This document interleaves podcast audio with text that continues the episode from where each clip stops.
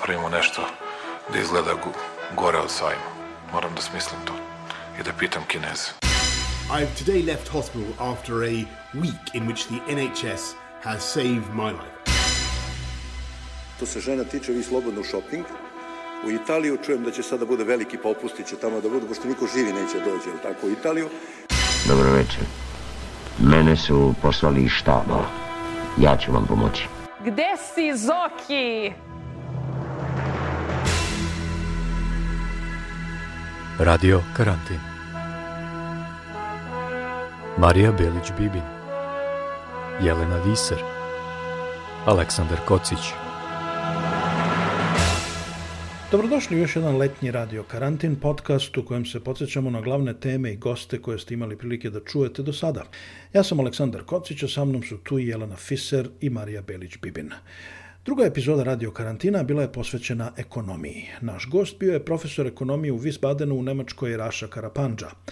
Razgovor sa profesorom Karapandžom počeli smo osvrtom na odluku srpske vlade da svim punoletnim građanima uplati po onih famoznih 100 evra jednokratne pomoći u cijeloj toj priči, znači sve, većina država, da kažem, razvijeni, pokušava da pomogne stanovništvu na neki način i mislim da je potpuno primjereno pomoći, ali taj princip u kome neko mora da zove i praktično da se registruje, znači 2020. da vi morate da zovete telefon, vraćamo se u da, vreme dial-upa, znači 1990. i početka interneta, sad vi treba da zovete i čekate na nekoj zauzetoj liniji da bi vam neko dao 100 vaših evra koje ste vi njemu dali kroz porezi. Mislim, mislim da je to poprilično ponižavajuće i znajući kako stvari funkcionišu u zemlji, to će verovatno biti, linije će biti non stop zauzete i bit će teško dobiti taj broj i mnogi ljudi će ostati bez tih 100 evra i mislim da to je cilj, zato što verovatno država čak i nema taj novac da ga da kao što obećavaju. A čiji je taj novac zapravo? Pa to je novac građana koji je uzet od građana i sad im se kao ponovo daje i sad vi morate da zovete da molite državu da vam da taj novac natrag. Mislim. Poprilično je, poprilično je bizarna situacija. Meni deluje da je to, da je to deo populističke kampanje i privlačenje glasova penzionera. Da je to deo šoa koji show, jedan veliki spektakl koji svi živimo gde, gde se, da kažem, realnost dešava na TV-u, a ne u stvarnom životu. Meni je upalo u oči e, kad, su, kad je Vučić prvi put najavio tih 100 evra, bilo je samo to, daćemo svima po 100 evra. Pa je par dana kasnije bilo, e, ali kad ukinemo varedno stanje. Pa je sad, e, ali prvo penzionerima i ovima primalcima socijalne pomoći, a ostali na telefon. Mislim, šta je sledeće? A, može da, ali samo ko zove sa fiksnog. Šta? Stalno čekaš da će još nešto da izmisle samo da ne daju ljudima te pare. Pa, znate kako? Znači, tamo negde pre, pre više godina gledao sam obraćanje, bilo je 100 dana neke srpske vlade. I u tih 100 dana te srpske vlade, oni su se obraćali građanima na TV, u cilj je bio da oni kažu šta su uradili tokom tih 100 dana. Mislim da od ajde da kažem, tih nekoliko desetak minuta koliko su govorili, sve rečenice su bile ili u futuru ili u kondicionalu. Mislim da ni jedna nije bila u prošlom vremenu, iako je to bio cilj. Cilj je bio da kažu šta su radili za tih 100 dana, oni nisu niš, ni jednu rečenicu u prošlom vremenu upotrebili. Sve je bilo buduće vreme i kondicional.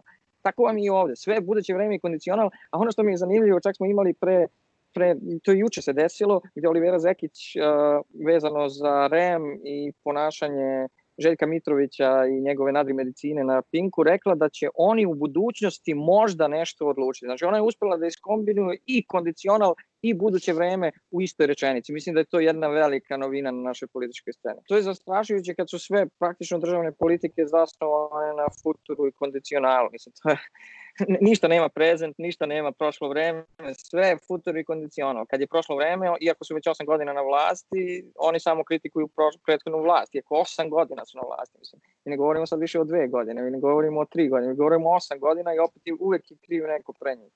A šta vam prvo zapada za oko kada posmatrate način na koji vlada pokušava da stavi pod kontrolu širenje zaraze? Ja mislim da to je iživljavanje na narodnom, iskreno. Znači, mi smo imali dovoljno vremena, da kažem, nismo mi prva zemlja u kojoj je e, ova epidemija ušla. Mi smo videli kako su druge zemlje reagovali.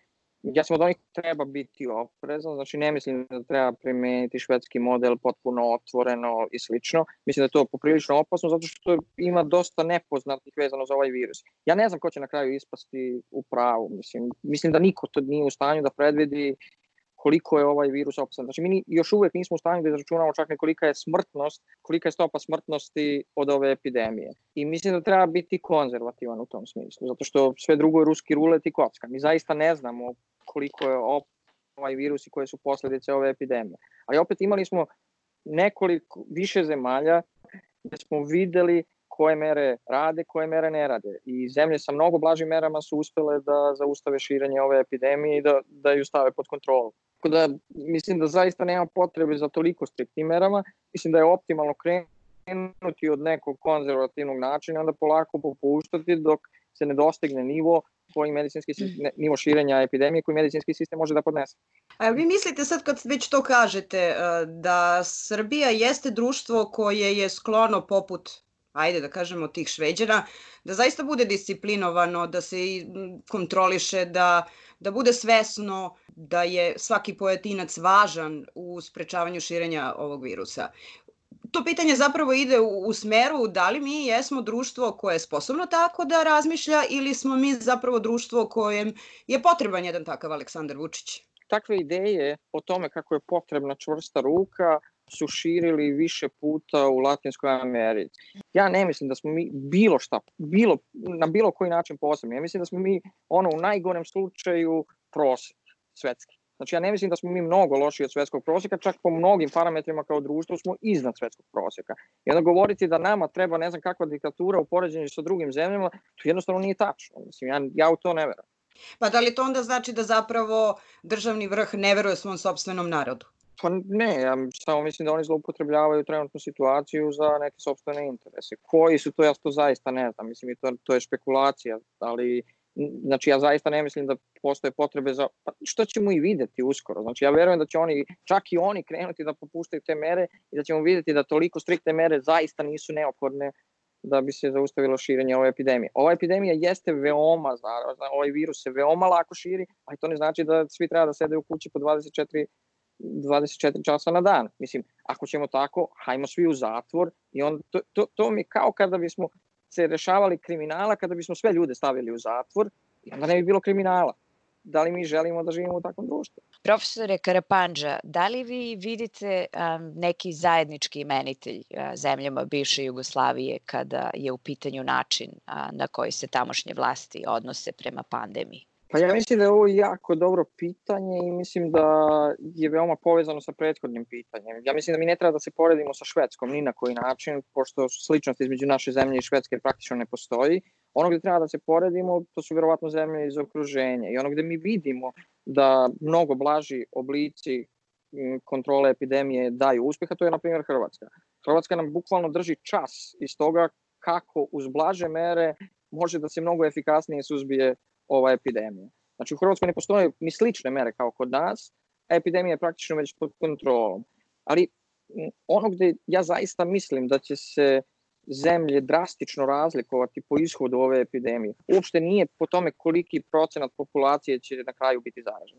Mi znamo iz, da kažem, teorije epidemiologije i, i epidemioloških modela da kod ovako veoma zarazne a, bolesti kao što je ova, da, da bi se epidemija stavila pod kontrolu, potrebno je da manje više otprilike tri četvrtine populacije postane imuno. Jer kad tri četvrtine populacije postane imuno, epidemija će prestati da se širi. To može da se postigne na dva načina. Jedan je kroz vakcinaciju, a drugi je možda kroz to da se svi mi zarazimo i onda postignemo imunitet. Sad, pitanje je koliko taj imunitet traje. Znači, mi uopšte nismo sigurni da ta da kod ovog konkretno virusa taj imunitet će trajati i da ćemo mi moći da postignemo tu, da kažem, kako to nazivaju imunoskrda, zato što ako imate dovoljno imunih ljudi, onda epidemija se ne širi tako lako.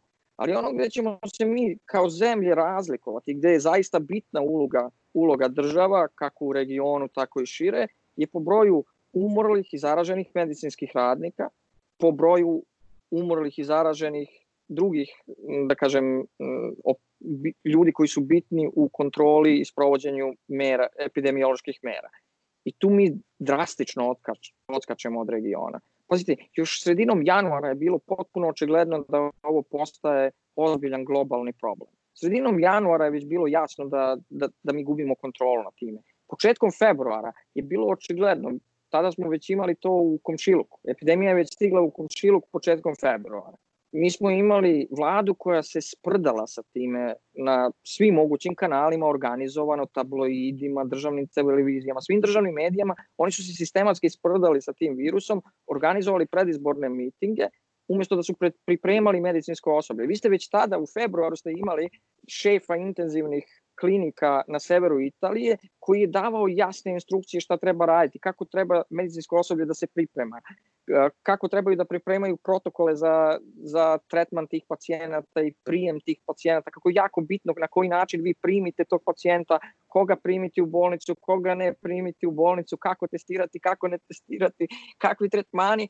Mi smo u to vreme imali predizborne mitinge i sprdnju na državni medij. Ako već upoređujemo zemlje u regionu, pre svega Hrvatsku i Srbiju, da li su ove mere, odnosno različitost, razlike u ovim merama koje su uh, uvedene u Srbiji i Hrvatskoj, odraz instinkta vlasti ili su odraz uh, svesti u vlasti o tome s kakvim uh, zdravstvom raspolaže? Jer sam ja negde pročitao zanimljivu tezu, koja je za sad samo teza, naravno, da vlasti u Srbiji vrlo dobro znaju sa koliko lošim zdravstvom raspolažu i ulaze u ovu bitku i da je stanje u zdravstvu u Hrvatskoj daleko bolje? Znači, zaista ne znam, morao bih da pogledam brojke da, da, da, da, da bih mogao zaista tačno da odgovorim na to pitanje. Ne sećam se da su brojke što se tiče kapaciteta u zdravstvu drastično različite u Srbiji i Hrvatskoj. A razlike u merama jesu drastične. Ono što mi posmatramo je da su posledice tih mera zaista mnogo bolje u Hrvatskoj nego kod nas ono što vidimo je da mi imamo ubedljivo rekordno najviši broj zaraženog medicinskog osoblja. To znači da to medicinsko osoblje nije bilo pripremljeno. To je znak manjka pripreme u upotrebi maski, u posjedovanju maski, u upotrebi hazamatodelja, u, po, u odela, u posjedovanju hazamatodelja itd. itd. Znači ono što želim da kažem je stvar je pripreme medicinskog sistema. Znači ne treba vama, ne znam, ne trebaju vama respiratori da biste vi za, zaštitili vaše medicinsko osobe. Radio Karantin. Profesore, da li ste vi tokom ove pandemije upoznali nekog novog sebe? Koliko vam se život izmenio? Šta vas muči? Šta vas uveseljava? Kao i, kao i svima, život se naravno mnogo izmenio i e, jako je teško jako je teško navići se na, da kažem, na potpuno novi ritam. Ono što meni pomaže je to što zaista trenutno radim više nego ikad.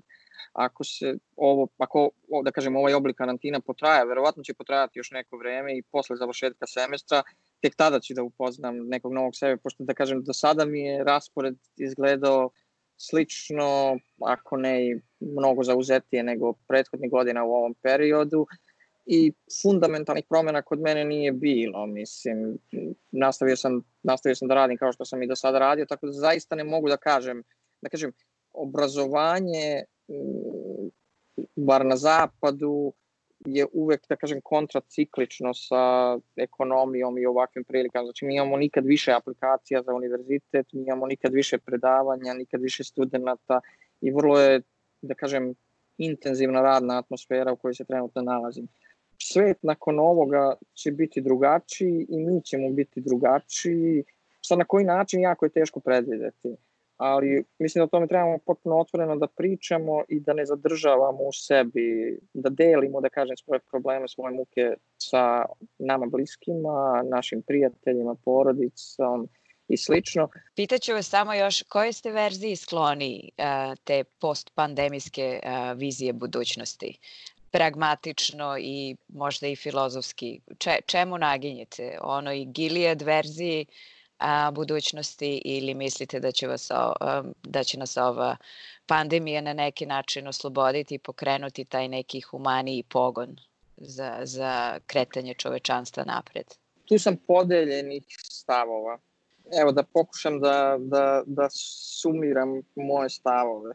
Ono čega se ja jako bojim, a to zavisi, drastično zavisi od toga od intenziteta same epidemije i kako će se dalje razvijati.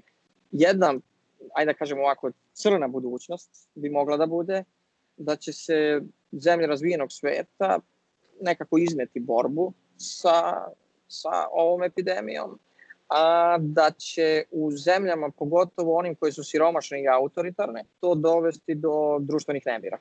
I ti društveni nemiri mogu da dovedu do velikog pomeranja stanovništva.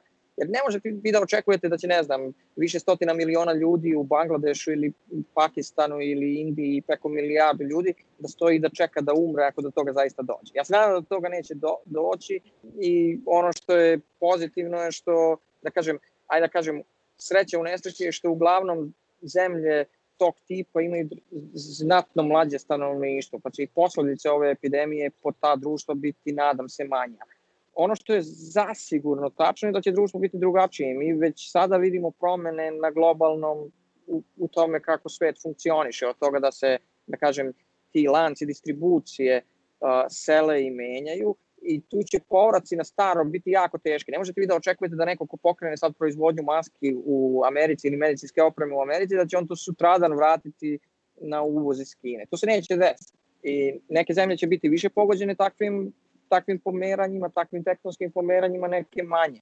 Znači od ekonomskih posledica do društvenih posledica.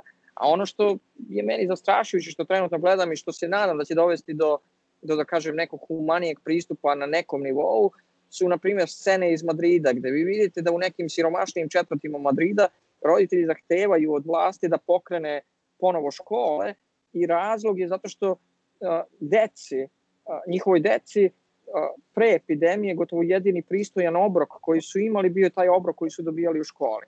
Mislim da je, da je, da je kombinacija siromašna zemlja sa autoritarnim režimima da je to ono recept za propast. I to gledamo trenutno u to gledamo trenutno u Iranu, gde ste vi mogli da vidite scene gde ljudi pale bolnice, gde kada u nekom malom gradiću država odluči da prebaci zaražene tamo, građani tog gradića zapale celu bolnicu. Autoritarni režim plus siromaštvo u ovoj situaciji je bukvalno recept za propast.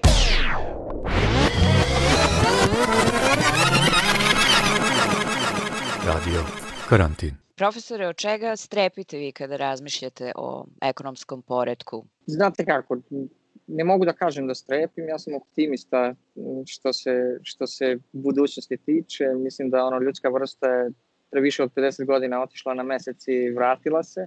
Sada će neki da me napadne da kažu da to nije istina. Tako da ja verujem da ćemo se mi na ovaj ili na onaj način sa time izboriti. Mislim, ne znam, ljudi se naviknu na ljudi se naviknu zaista na, na razne modele života i ja ne mislim da ćemo se mi vratiti u normalu dok ne bude vakcine, odnosno u normalu kakvu, kakvu poznajemo. Znači dok ne pronađemo vakcinu, odnosno ja zaista verujem ono nauka će nas u ovom slučaju zaista spasiti. Ja ne verujem da ćemo se vratiti u normalu. A da li ćemo se vratiti u neku normalu, neku novu normalu i to verujem. A ta neka nova normala će se sastojati iz maske koje će postati naša svakodnevica do pažljivijeg ponašanja, držanja društvene distance itd. itd. Profesore, koji je vaš heroj ovih dana? Ne znam šta da vam kažem. Nemam, nemam baš neki odgovor, ali ono da kažem čovjek koji je ostavio na mene veoma pozitivan utisak je guverner države New York uh, Andre, Andrew Cuomo koji drži zaista fantastično, stavio, stavio epidemiju u New Yorku pod neverovatnu kontrolu i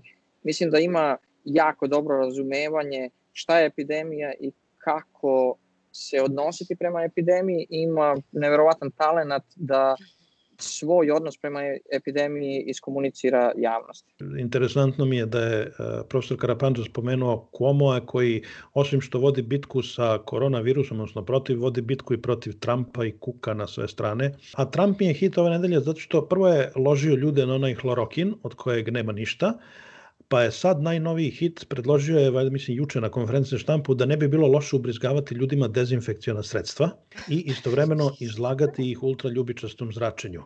I onda su lekari iz njegovog stručnog tima odmah utrčali da kažu kako to nije baš tako i počeli da se distanciraju.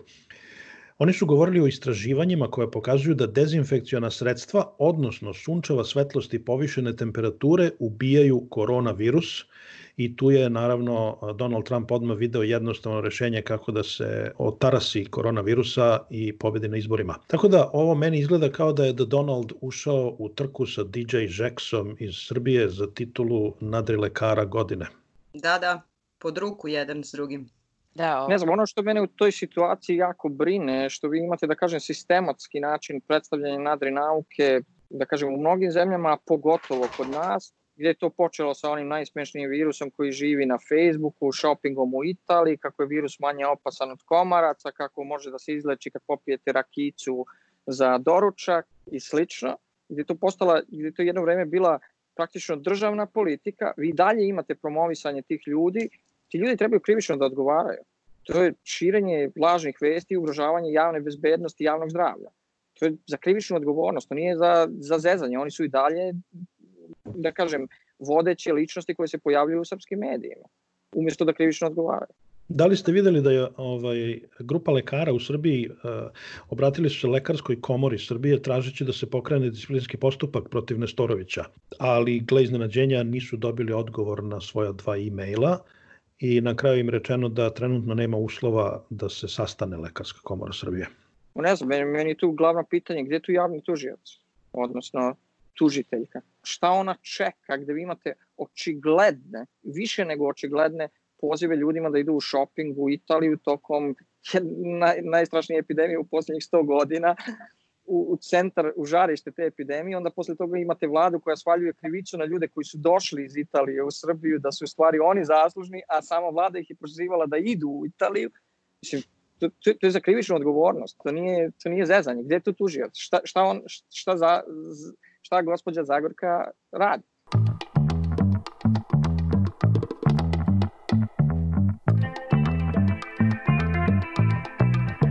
Radio karantin.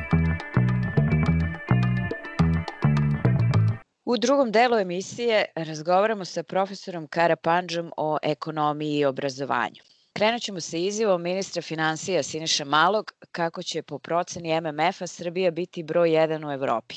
I da je dobra vest da Međunarodni monetarni fond predviđa kako će Srbija sledeće godine imati rast od čak 7,5 dok će globalni rast u proseku biti 5,8% kaže Mali, a predsednik Srbije Aleksandar Vučić izjavio je da će Srbija imati najbolju ekonomiju u Evropi ove godine, a sledećemo, sledeće ćemo biti najbolji sa najvišim pozitivnim rastom. MMF kaže da će taj rast iduće godine biti 7,5%, a ja očekujem do 9, kaže Vučić. Profesore, koliko su ova predviđanja realna i šta mislite na čemu ih Mali i Vučić zasnivaju? Zato što to vam je opet, opet govorimo o futuru. Opet, konstantno smo u budućem vremenu. Znači, ono, ajde da govorimo kakva je situacija sada ekonomska, gde smo mi sada u odnosu na tu Evropu i svako ko je izašao jednom iz Srbije zna da smo mi praktično na dnu, a ne na vrhu te Evrope po bilo kom kriterijumu, sem po broju ukradenih diploma među ministrima i političarima gde smo zaista broj jedan u istoriji Evrope i u istoriji Srbije. Mi nikada u istoriji naše države nismo imali više ministara sa ukradenim i falsifikovanim diplomama. To je jedini, no, jedini kriterijum po kome smo mi na prvom mestu. Ta priča da smo mi prvi po ekonomiji po bilo kom kriterijumu, to je jednostavno laž. Da ćemo biti prvi po bilo kom kriterijumu, to je laž.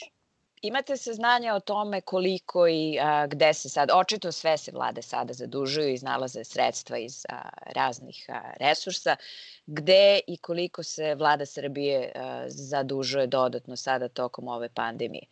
Pa moram da kažem da nisam pratio u detalje, trebao bih da proverim te podatke pre nego što kažem nešto veoma konkretno. Ono što sam video je da su se zadužili poslednji puta pod kamat, uz kamatu od 3,5%, a mogli su u isto vreme da dobiju zajmove od nekih velikih međunarodnih organizacija ispod 1%. Tako da ne shvatam koja je tačna svrha uzimanja kredita pod većim kamatama od onih koje možete da uzmete. Mene je mama pitala pre neki dan kad sam rekao evo u ovam u Evropi to su već cifre od kojih vam se zavrti u glavi 750 milijardi evra tržne da je ovamo 2 triliona u Americi. Prosto pitanje je odakle te pare?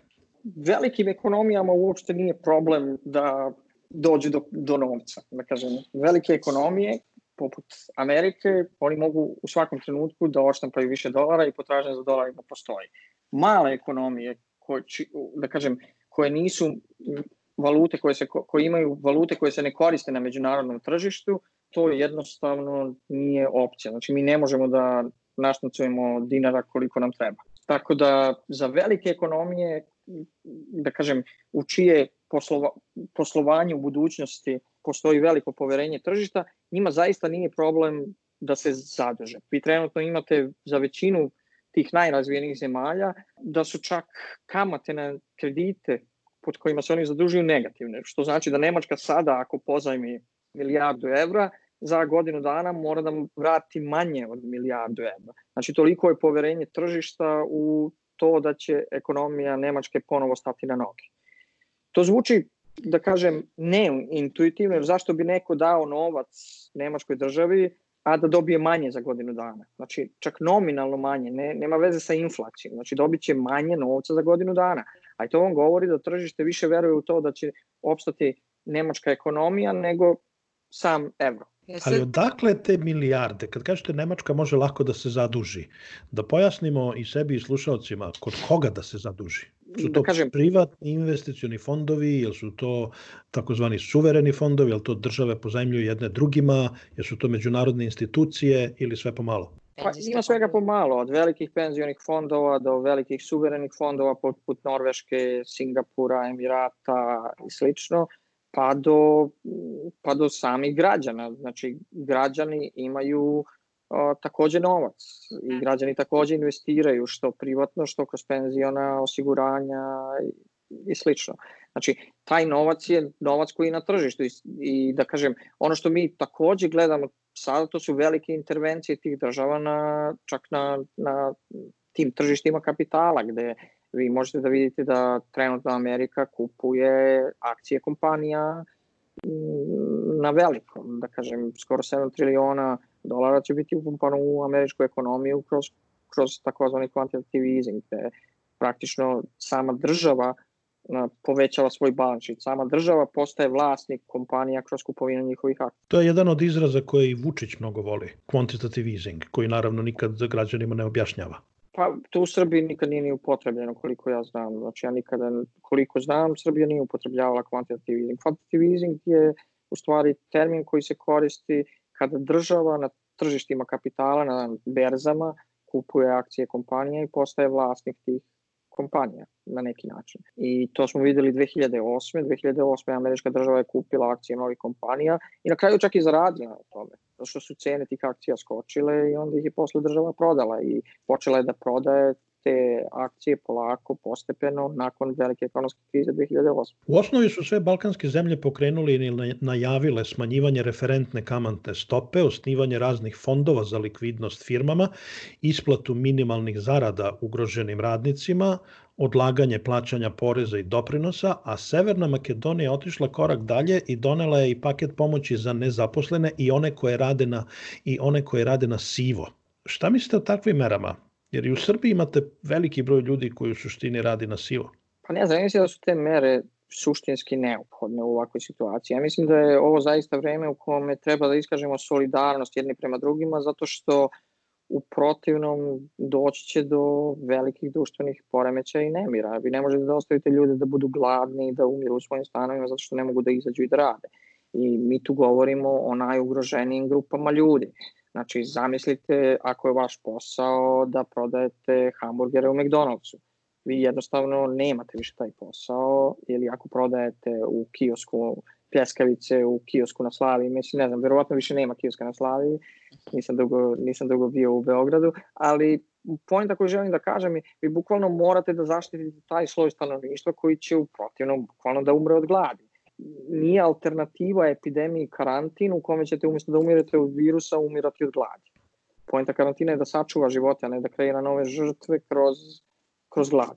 Profesore, kad spomenjete, hoćemo li biti gladni? Ja verujem da nećemo. Mislim da je, da je Srbija tu u poprilično konformnoj e, situaciji u smislu da ima kapacitet da proizvede hranu. A na globalnom nivou, evo kaže agencija Fitch, da ulazimo u najveću recesiju posle drugog svetskog rata. S druge strane, ovde bar u Britaniji ekonomisti stalno ponavljaju da će oporavak ići relativno brzo. To sve zavisi, ja, ja verujem da će oporavak ići brzo, ali kad budemo videli svetlo na kraju tunela. Mislim da bi uopšte oporavak počeo, mi moramo da vidimo svetlo na kraju tunela. I tržišta će krenuti jako brzo da se oporavljaju, to nemamo uopšte sumnje, kada to svetlo bude vidljivo, kada mi budemo imali jasan izlazak iz ove krize, odnosno trenutno svetska ekonomija se potpuno oslanja na slobodan protok ljudi, kapitala, na, da kažem, lance snabdevanja koji su globalni. Mi trenutno ne možemo da se vratimo u taj sistem zato što bi to ugrozilo mnoge, mnoge živote. Kakav je vaš a, a, odnos prema tom argumentu da a, masovan rad od kuće a, a, ima a, veliki uticaj na ekonomiju. Bilo je, imala sam utisak da je pred izbijanje pandemije, da su čak i velike korporacije počinjale da budu zagovornici tog rada od kuće s argumentima da je tako bolje i za životnu sredinu, za, da se o, o, ostvaruje taj bolji balans između poslovnog i privatnog života, da su ljudi motivisaniji, pa samim tim i produktivniji. Šta vi mislite o tome? Jel ulazimo u taj neki svet a, neke novog nivoa izolacije, odnosno novog nivoa individualnosti? Mislim da će doći do promena, mislim da će, da kažem, ova epidemija dovesti do dugoročnih promena kako mi gledamo na rad od kuće, odnosno za neka zanimanja, dok za neka druga zanimanja to se neće desiti odnosno epidemija, mislim da će za neka zanimanja ostaviti dugoročne posledice na to, da će ljudi jednostavno shvatiti da neki poslovi, neke profesije mogu podjednako efikasno, ako ne efikasnije, da se obavljaju od kuće. Mislim da će tu doći do nepovratne tranzicije. Mislim da se u nekim profesijama ta tranzicija neće vratiti čak i da sutra prestane epidemija. Da će mnogo veći procenat ljudi raditi u nekim profesijama od kuće. Mislim da ćemo, da kažem, ne samo od kuće, nego i sama mobilnost će postati mnogo veća, čak nepovratno, ja bih rekao. U smislu da mi smo sada, da kažem, videli kod mene na univerzitetu da mnoge sastanke nema nikakve potrebe da ih održavamo uživo, da možemo da ih održavamo i na daljinu i da budemo podjednako efikasni u tim sastancima. Stigli smo do kraja gotovo samog i profesore, ne mogu da vas ne pitam za sam kraj apropo kvaliteta obrazovanja, a, je li imate nove informacije koje biste s nama mogli da podelite u vezi sa doktoratom Siniše Malog, jel rade ove komisije od kuće, šta se dešava? Koliko ja shvatam, on je izgubio doktora, znači nema više komisije. Da. Komisije su završile svoj posao pre epidemije, Siniša Malo zvanično nije doktor, čak i sa web sajta vlade Srbije, iz njegove biografije uklonjen doktora. Znači on jeste završio taj posao i on, to je komisije su završili i odradile svoj posao. Trebalo im je doduše pet i po godina, što je godinu i po dana više nego u Zimbabveu za ženu predsednika Zimbabvea koja je bila u sličnoj situaciji. Tamo su nakon četiri godine oduzeli doktorat Grace Mugabe, nama je trebalo pet i po godina, znači ne možemo da baš da se pohvati, pohvalimo brzinom, ali doktorat je na kraju oduzet. Koje su posledice toga? Mi posledice toga sem izmene na web sajtu vlade Srbije suštinski ne vidimo. A, političke i bilo kakve druge odgovornosti nema, što je samo po sebi zastrašujuće i ponižavajuće, da vi i dalje imate čoveka koji određuje budžet univerziteta, a, koji je ukrao doktorat na tom univerzitetu i on i dalje odlučuje o budžetu tog univerziteta. A naravno, tu je bila i druga, druga dimenzija cele te priče um, o kojoj ću ja pisati, da kažem, sa neke veće istorijske distance o tome kako su bezbednostne službe Srbije pretile pogotovo u finišu oko borbe protiv doktorata Siniše Malog i sama ta zloupotreba čitavog državnog aparata za odbranu nečeg uh, ukradenog doktorata je potpuno zastrašujuća i ponižavajuća. A u svakom slučaju, ja mogu samo da vas na kratko pitam, vi ste rekli da konkretnih nekih posledica po Sinišu malo, ok, njemu je oduzet doktorat, ali on je i dalje ministar, on odlučuje o budžetu uh, obrazovnih institucija i tako dalje, ali zar ne mislite da ste ipak uh, napravili jedan bitan pomak uh, svojom akcijom i da će novi uh, funkcioneri i političari koji razmišljaju o kupovini diploma sada ipak malo više da razmišljaju? Ma mislim da se ne radi tu samo, ja mislim da je pomak napravljen i ne mislim da se tu radi samo o političarima. Znači, pazite, kao, kao odgovor na, na tu moju borbu protiv doktorata, Univerzitet u Beogradu kao naša najstarija visokoškolska ustanova je po prvi puta donela uopšte pravilnik kako postupati u slučaju da je neko optužen za, za da kažem, za plagijat u, u, u svojim doktoratima, diplomskim radovima, magistarskim radovima, ne. I ono što smo mi već videli, a o tome naravno se malo priča, da je po tom pravilniku procesuirano već više ljudi. Znači, to vi nećete vidjeti u medijima da su čak i dvoje profesora izgubili svoje doktorate u međuvremenu. Tako da, ono, mi vidimo posledice. Sad te posledice se javnosti ne prikazuju zato što država ima potpunu kontrolu nad medijima i naravno da neće da propagiraju da je kao posledica ministra ministrovog gubitka doktorata, odnosno celog tog procesa, došlo do donošenja novih pravilnika koji zaista imaju društveno pozitivne posledice. To nećete vidjeti u medijima zato što su mediji naravno pod potpunom kontrolom države i njima to nije u interesu da tako nešto prikazuju i reklamiraju. Znači, ja mislim da je to zaista donelo do boljitka obrazovnog sistema u Srbiji na jedan sistematski način da će ostaviti dugoročne posledice. Hvala vam najlepše na ovom razgovoru. Budite dobro, zdravo i srećan rad. Hvala vama na pozivu i bilo mi je zadovoljstvo da razgovaram sa vama i da se obratim vašim slušateljima. Sa vama i ovog puta tročlana novinarska ekipa u Novom Sadu Marija Belić-Bibin, u Glazgovu Aleksandar Kocić, moje ime je Jelena Viser i pozdravljam vas iz Utrehta, a u Pančevu naša tehnička podrška Ivan Tomić. Budite zdravi i čuvajte se, budite poletni i hrabri, a ako ne ide, vi probajte opet.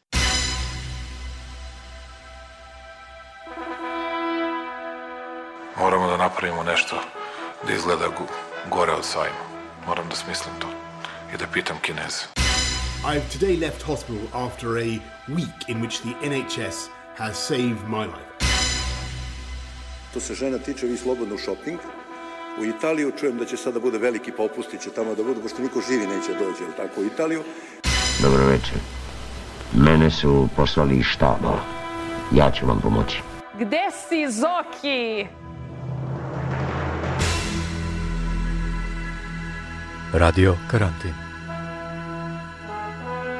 Marija Belić-Bibin Jelena Viser Aleksandar Kocić